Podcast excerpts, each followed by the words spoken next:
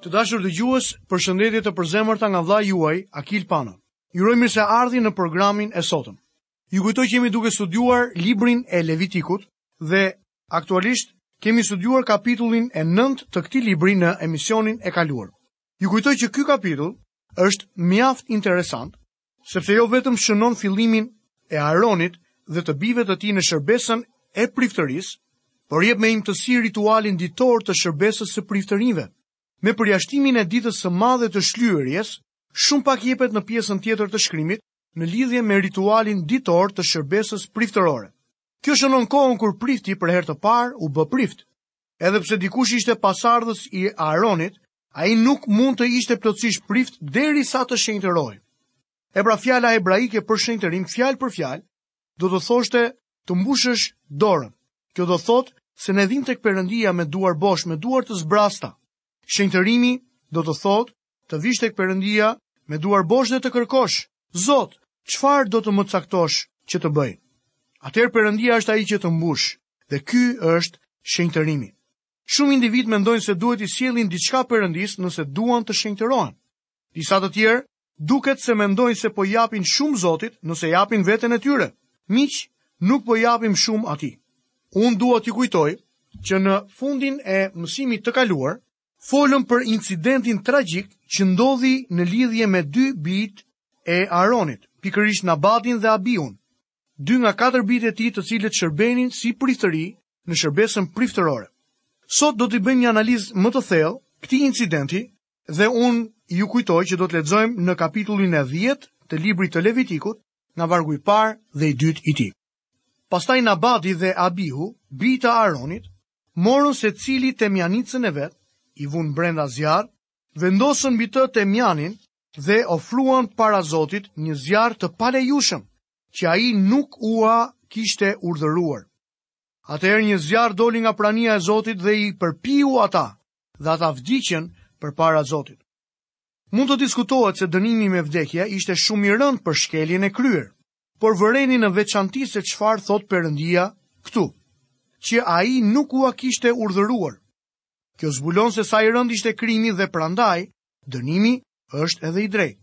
Kjo ishte mosbindje e paramenduar dhe e qëllimshme ndaj urdhërimit të shprehur të Perëndisë. Çfarë bënë këta dy individë saktësisht që solli mbi ta një gjykim kaq të ashpër? Ky veprim u quajt adhurim me vullnet dhe kështu është. Çfarë bënë ata gabim? Do të doja të bëja tre sugjerime në lidhje me këtë çështje.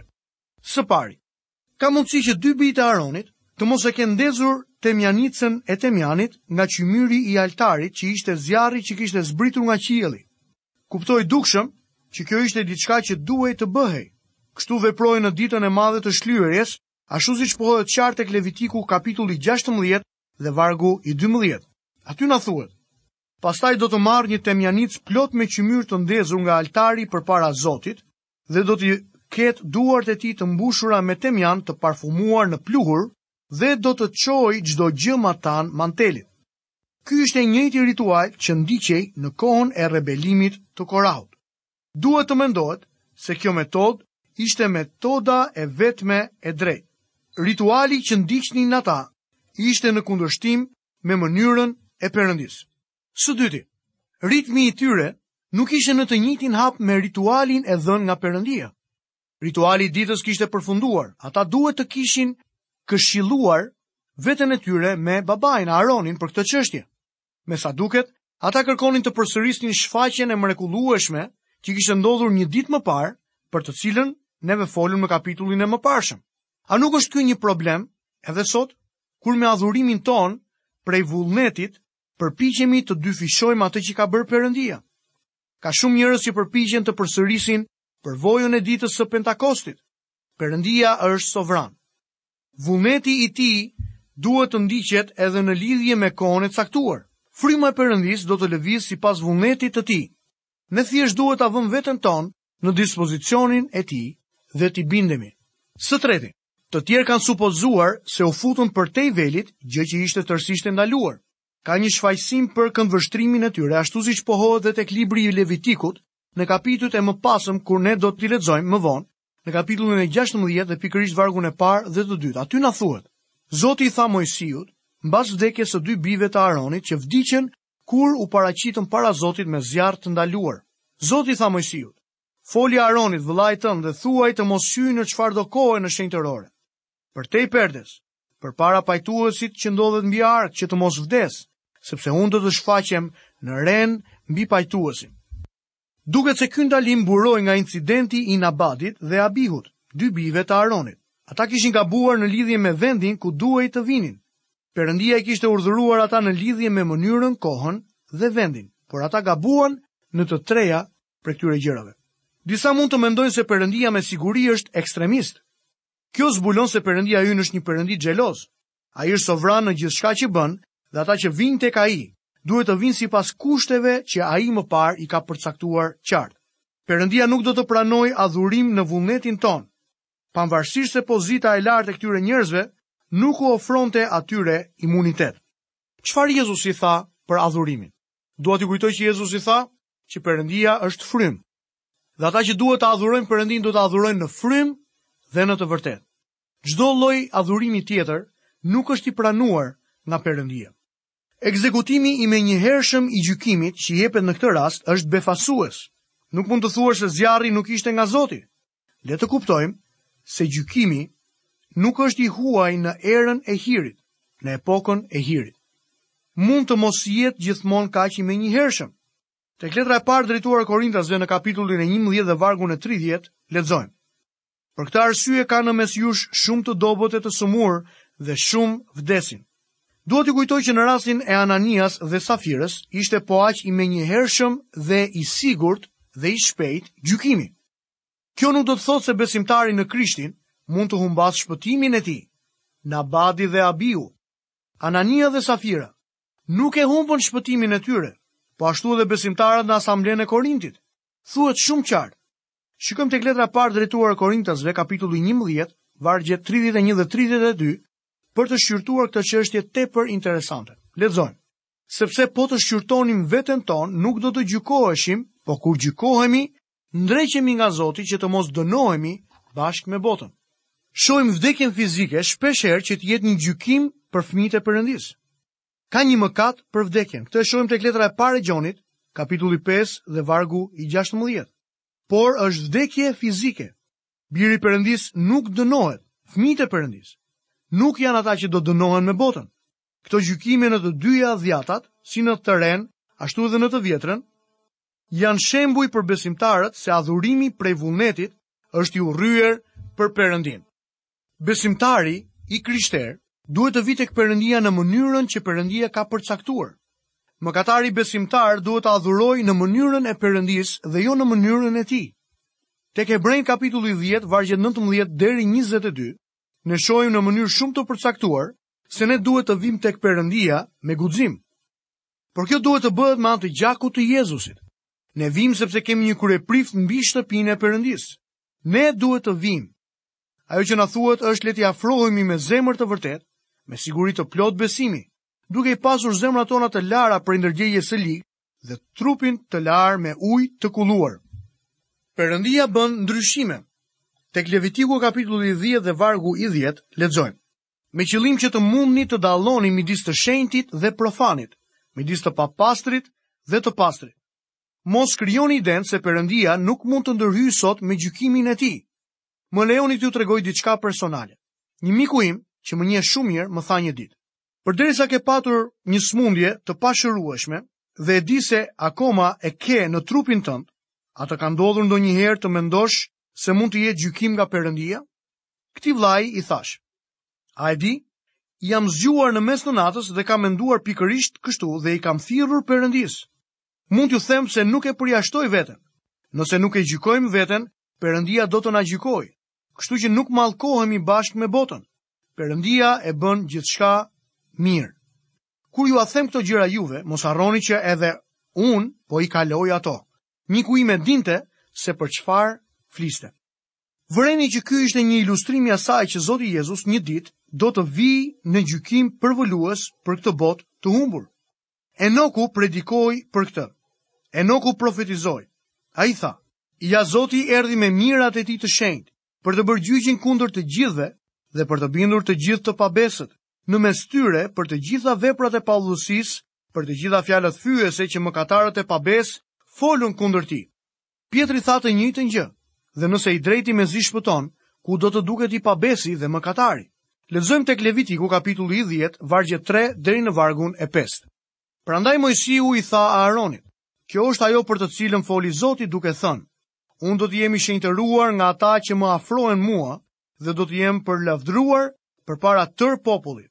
dhe Aaroni heshti. Pastaj Mojsiu thirri Mishaelin dhe Elsafanin, bij të Uzielit, ungji i Aaronit, dhe u tha atyre, Afroni dhe largoni vëllezërit tuaj nga pjesa e përparme e shenjtërores jashtë kampit. Kështu ata u afruan dhe i larguan ata të veshur me tunikat e tyre jashtë kampit, siç kishte thënë Mojsiu. Kur lajmi u përhap tek të gjithë njerëzit në Izrael, njerëzit duhet të ishin mbledhur rreth tabernakulit për të parë trupat e vdekur të këtyre dy të rinjve, bijve të Aronit. Mojsiu citoi fjalët e Zotit për t'u dhënë atyre një shpjegim për gjykimin e ndodhur. Edhe priftërinjtë që do t'i afrohen Zotit të shenjtërohen, që Zoti të mos sulet kundër tyre. Ata që i afroheshin shumë Perëndisë, duhet ta kuptonin mirë shenjtërinë dhe drejtësinë që kërkohet prej tij. Tek profeti Amos, në kapitullin e 3 dhe vargun e 2, ne lexojmë: Vetëm ju kam njohur midis tërë familjeve të dheut. Prandaj unë do t'ju ndëshkoj për të gjitha paudhësitë tuaja. Ashtu siç gjykoi popullin e tij Izraelin, Perëndia do të gjykojë edhe shenjtorët e tij në mënyrë që bota të mund të dijë se ai është një Perëndi i shenjtë. Qëndrimi dhe sjellja e Aronit bien në sy. Ai e ruan qetësinë. Nuk ka thirrje zhgënjimi, hidhërimi, qarje ose përbuzje ndaj Perëndisë. Ai përkulet në nënshtrim me zemër të thyer ndaj vullnetit të Perëndisë. Hidhërimi i tij duhet të ketë qenë i thellë, por nuk mund të thotë asgjë kundër vullnetit sovran të Perëndisë. Vëreni atë që Perëndia thotë. Unë do të jem shenjtëruar nga ata që më afrohen mua. Mojsiu thirri dy nga priftërinjtë që ishin kushërinj të dy burrave për të hequr trupat e vdekur para shenjtërores. Ndërsa njerëzit shihnin të mahnitur, ata u nxorrën jashtë kampit. Lexojmë më poshtë udhëzimet që dolën prej këtij incidenti. Lexojmë në vargun e 6 dhe të 7 të kapitullit të 10. Pastaj Mojsiu u tha Aaronit, Eleazarit dhe Ithamarit, bij të tij, mos e zbuloni kokën tuaj dhe mos i grisni rrobat tuaja që të mos vdisni. dhe që Zoti të mos zemërohet kundër tërë asamblesë, por vëllezërit tuaj e tërë shtëpia e Izraelit të mbajë zi për zjarrin që ka ndezur Zoti. Mos u largoni nga hyrja e çadrës së mbledhjes që të mos vdisni, sepse vaji i vajosjes së Zotit është mbi ju. Dhe ata bënë ashtu siç i kishte thënë Mojsiu. Aronit dhe dy bijve të tij që mbetën iu vendos një kufizim. Ata nuk do të mbanin zi. Ka një arsye të dyfishtë për këtë.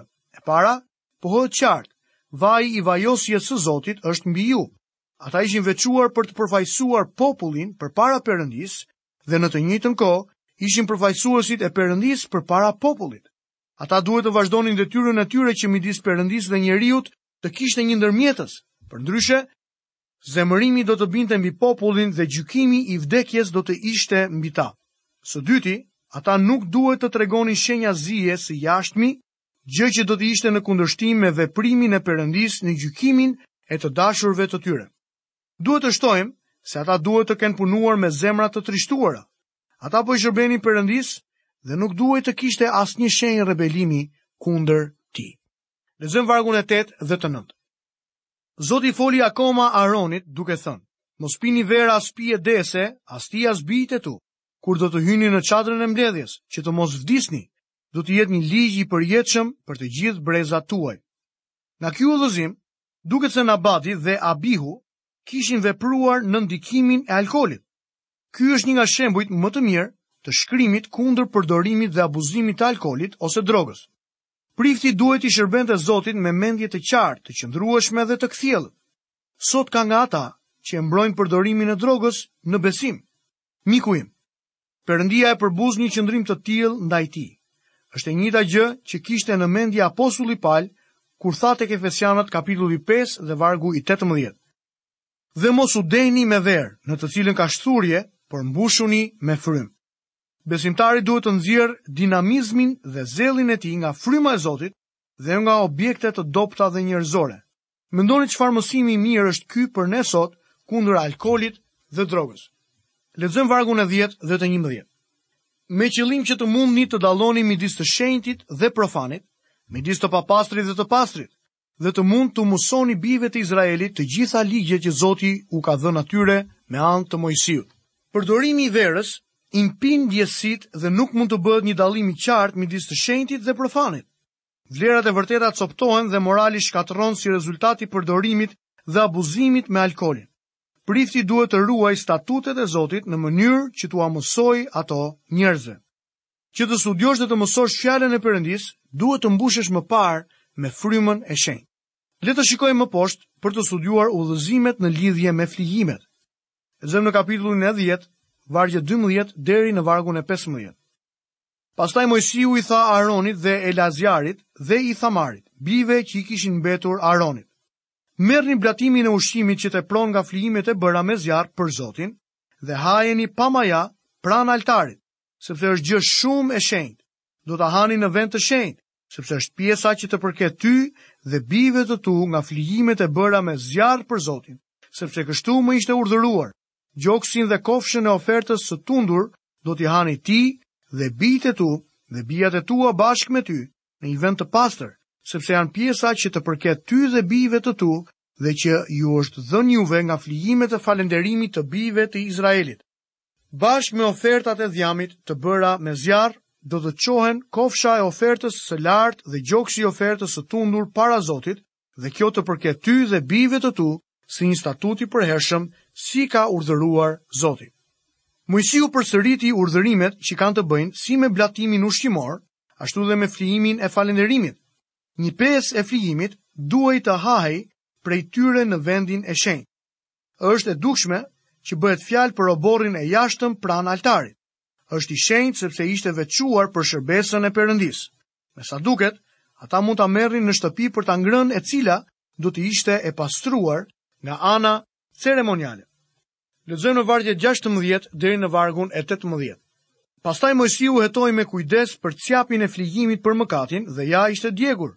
Prandaj u zemërua kundër Eleazarit dhe kundër Ithamarit, bijtë e Aronit, që kishin mbetur duke thënë, Pse nuk e hëngrët flijimin për mëkatin në vend të shenjtë, sepse është gjë shumë e shenjtë dhe Zoti ua ka dhënë me qëllim që të sillni padrejtësinë e asamblesë që të bëni shlyerjen për ta përpara Zotit. Dhe ja gjaku i flisë nuk u çua brenda vendit të shenjtë, ju duhet ta kishit ngrënë në vend të shenjtë, siç ju kisha edhe urdhëruar. Tani këtu shohim një incident tjetër tragjik ku veprohet kundër vullnetit të Perëndisë. Dy djemtë e tjerë të Aaronit që kishin ngelur, nuk veprojnë si duhet, por ky është një mëkat mungese njohurie. Nuk ishte një mëkat i qëllimshëm si ai i dy djemve që më parë kishin vdekur. Flijimi për mëkatin duhej të hahej në vendin e shenjtë dhe ata nuk vepruan ashtu. Edhe pse gjaku ishte ofruar, pjesa që i përkiste priftërinjve nuk ishte ngrënë. Ata e kishin lënë më një anë këtë gjë, ndoshta duke mos e kuptuar rëndësinë e saj. Lexojmë tek libri i Levitikut kapitullin e 10 nga vargjet 19 dhe 20. Aroni i tha pastaj Mojsiu: Ja, sot ata më kanë ofruar flijimin e tyre për mëkatin dhe olokaustin e tyre përpara Zotit, dhe më kanë ndodhur gjëra të tilla. Po të kisha ngrënë sot viktimën e flijimit për mëkatin, a do t'i pëlqente kjo syve të Zotit? Kur Mojsiu i dëgjoi këto, mbeti i kënaqur. Aroni mori përgjegjësinë për bijtë e tij. Me sa duket, incidenti tragjik kishte shkaktuar jo vetëm humbje të oreksit, por edhe një ndjenjë padenjësie për t'i shërbyer Perëndisë. Moisiu ishte i kënaqur me shpjegimin. Mendoj se në këtë çast, Aroni plak duhej sikur do të ishte dorë. Nga ky incident, nxjerrim një të vërtetë shumë të madhe. Këta njerëz erdhën tek Perëndia nga ana e tyre. Ata kishin ardhur me paramendim dhe kjo gjë ishte blasfemi. dhe Perëndia i gjykoi. Sot njerëzit më pyesin nëse gabojnë po t'i përkasin një kishe që e mohon hyjninë e Krishtit. Miqtë e mi, mendoni se dikush mund të vijë tek Perëndia në një vend të tillë, përveçse nga vullneti dhe kushtet e Perëndisë? Nëse Perëndia godet sot, ashtu siç goditi Nabadin apo Abihun, mendoj se gjysma e anëtarëve të kishës do të vdiste. Liberalët do të goditeshin për mohimin që i bëjnë hyjnisë së Krishtit dhe faljen e flijimit të tij për ne. Shumë anëtarë të kishave fondamentale do të goditeshin siç u godit Anania dhe Safira në Dhjatën e Re për hipokrizinë e tyre, për mashtrimin që ata i bënë Frymës së Zotit. Sot Perëndia vepron me hir, duke u dhënë njerëzve kohë për pendim, derisa të arrijnë të njohin të vërtetën. Ndryshe shumë njerëz do të vdisnin. Këtu ka një mësim të mrekullueshëm për ty dhe për mua. Kur vijmë tek Perëndia, duhet të vijmë sipas kushteve të tij. Kjo nuk është diçka që mund ta rregullojmë. Rregullat nuk jemi ne ata që i përcaktojmë. Perëndia është ai që i shpëton dhe është i vetmi që thotë se si do të shpëtohemi. Jezu Krishti thotë se asnjë nuk vjen tek Ati, veçse nëpërmjet tij. Të dashur vëllezër, këtu kemi mbërritur dhe në fundin e programit të sotëm. Është kaq e rëndësishme që të kuptojmë që tek Perëndia ne nuk mund të vijmë sipas standardit dhe mënyrave tona. Rregullat janë përcaktuar qartë që më parë nga Perëndia. Fjala e Zotit na dëshmon qartë që nëse dikush don t'i afrohet Perëndisë, së pari ai duhet të besojë që Perëndia është dhe se ai është shpërblyesi i të gjithë atyre që e kërkojnë atë me gjithë zemër. Në njërën plan neve shikojmë rrezikun e madh që i kanoset çdo besimtari nga mëkati, që është si një kangrenë, e cila ha gjatë gjithë kohës pa mëshirë jetën e Zotit në ne. Por nga krahu tjetër, shikojmë gjithashtu mëshirën e pamasë të Zotit, mëshirë e cila zbulohet në natyrën hyjnore të Krishtit. Natyrë e cila na zbulohet si natyrë që fal, natyrë që pret me durim, madje dhe në ardhjen e tij të dytë Zoti është duke pritur me durim që të gjithë të pendohen. Në këtë moment unë dua t'ju kujtoj që në mësimin e ardhshëm do të flasim për ushqimin që Perëndia përcaktoi për njerëzit e tij. Kafshët e pastra dhe të papastra, kontaktet me kufomat e kafshëve të papastra, kontaktet me kufomat e kafshëve të pastra, Ndotja nga kafshët që zvarriten, klasifikimi i të pastrës dhe të papastrës në Dhiatën e vjetër i bërë nga një Zot i shenjtë. Vëllezër dhe motra, unë ju kujtoj që jemi duke studiuar librin e Levitikut, sot kemi përfunduar dhe kemi studiuar kapitullin e 10 të librit të Levitikut. Nga vëllai juaj Akil Pano keni të gjitha bekimet e Perëndisë dhe paqen e tij në jetën tuaj, bashkë mirudëgjofshim në programin e ardhshëm.